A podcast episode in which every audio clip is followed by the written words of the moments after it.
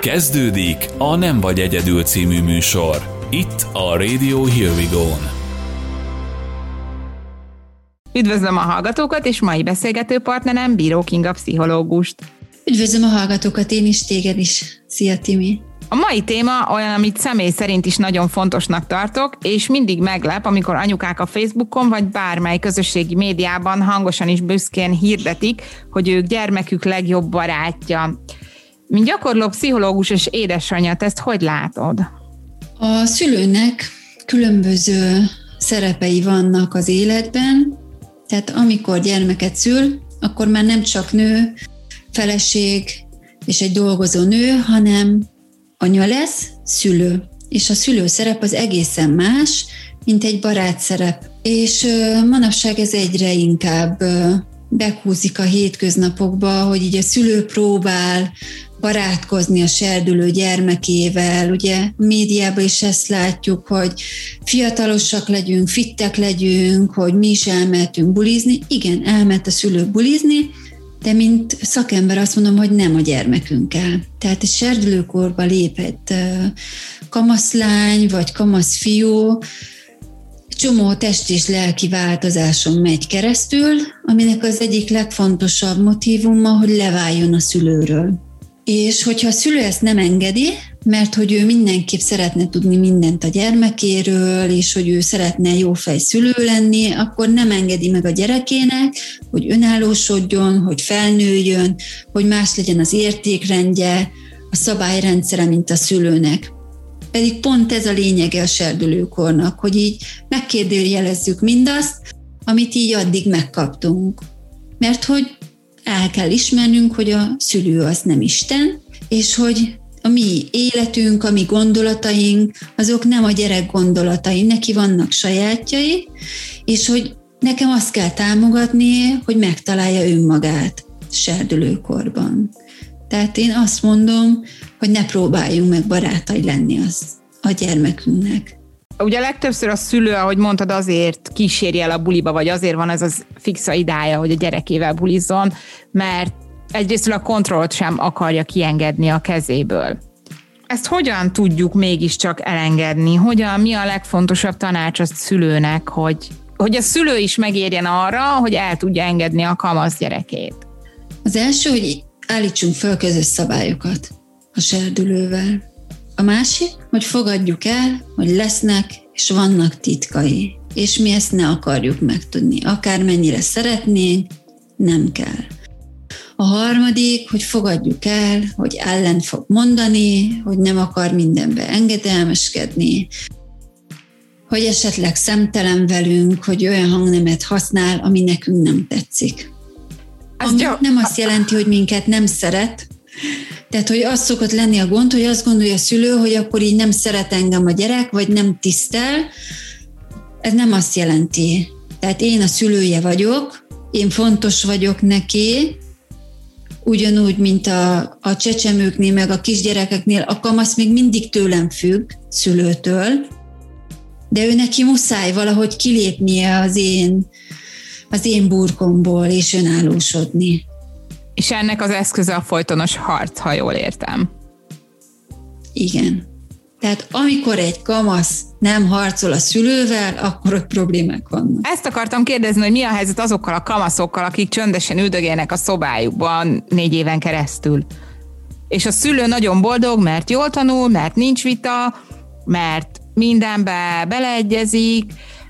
Ez ilyen ideálisnak tűnik, de ugyanakkor mégiscsak sugal valami ott a vörös zászló, hogy mégis itt valami probléma lehet. Ott van probléma. És milyen problémák okozhatják ezt? Túlkontrolláló szülők, akik így nagyon nem engednek meg semmit, de az én tapasztalatom egyébként az, amikor egy serdülő így nagyon előcsörög magába, és nagyon jól el van a szobájába, és azt mutatja, hogy én egy pedáns kislány vagyok, vagy nagylány vagyok, vagy fiú vagyok, aki engedelmeskedik a szülőnek, ott biztos, hogy van a háttérben valami, amit ő így megcsinál. Tehát vagy éjszaka kiszökék, vagy iskolaidőben egy-két órát kihagy. Tehát, hogy mindig van valami, amit kijátszik a gyerek. Tehát amiről a szülő nem tud. És ez pontosan a leválási folyamatnak köszönhető, hiszen a gyerek azt gondolja, hogy ezzel, ezzel építi le a szülőt, vagy nem is tudom, hogy ezt hogy fogalmazom meg. Igen, tehát ő titokba önállósodik. És itt van a kulcs, hogy jobb lenne, hogyha nem titokba tenni, ugye? Igen. Lehetnek ennek negatív következményei a felnőtt korára egy kamasznak, aki mondjuk ilyen nagyon erőteljesen kontrolláló szülők neveléséből kerül ki? Az egyik probléma az szokott lenni, hogyha kiderül, hogy valamit így csinált a serdülő gyermekünk, hogy akkor a fejére olvassuk azt, hogy mert hazudsz. Te... Igen. Tehát ez, hogy így hazudsz, ez azt jelenti, hogy anya, apa, nem hallgattok meg, nem merem elmondani, amit én szeretnék. De Tehát ő nem hazudni nagyon... akar, hanem ő így nem meri elmondani, hogy mire vágyik. Csak a szülőnek ez másképp jön le, tehát ő azt érzékeli, hogy a gyereke nem mondott el mindent, de hát azért nem mondta el, mert hogy nem teheti meg. És akkor itt visszatérünk, hogy megint csak a szülőnek kell mélyen elgondolkoznia, hogyan tudja ezt a kapcsolatot könnyebbé tenni, hiszen ő a felnőtt. Igen. A legtöbbször az a probléma, hogy szülőként hozzuk a saját mintát a saját szüleinktől. Tehát, hogy ez tudattalan módon működik, hogy úgy viselkedünk, ahogy a szüleink viselkedtek velünk, és nem ismerjük föl, hogy valamit nem jól csinálunk. Tehát elfelejtjük azt, hogy mi ugyanígy viselkedünk, viselkedtünk, mint a saját gyermekünk, és hogy mi lenne a megfelelő megoldás ebben. És itt mi lehet a megoldás? Mármint szülőként, hogyha mondjuk látjuk, hogy egyszerűen nem tudunk szót érteni a kamasz gyerekünkkel, illetve fölébred bennünk a gyanú, hogy valami nincsen rendben, vagy egész egyszerűen csak az az állandó stressz, ami a sok vitát mm, okozza, vagy a, a viták okozzák a stresszt, ezt hogyan tudjuk a túlélésen kívül kicsit könnyebbé tenni magunk és a gyermekünk számára? Szakemberrel? Az az ideális eset. Igen. És hogyha ezt nem tudjuk megtenni?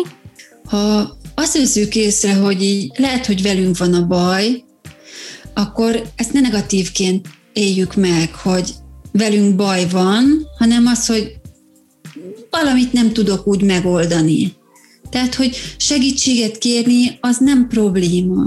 Tehát, hogy jó, nem megy egyedül, akkor lehet valaki más szemszögből tud olyat javasolni, ami segít nekem. Tehát ez, ez egy segítségnyújtás, és nem az, hogy velem gond van. Én ezt mindig mondom a szülőnek, attól, hogy így ezeket csinálta, az nem azt jelenti, hogy akkor most ő így rossz szülő, hanem ezt a megoldásmódot ismerte, ezt alkalmazta, ez nem vált be. Keresünk valami mást. Köszönöm szépen, ez egy remek végszó volt a mai beszélgetésünkhöz.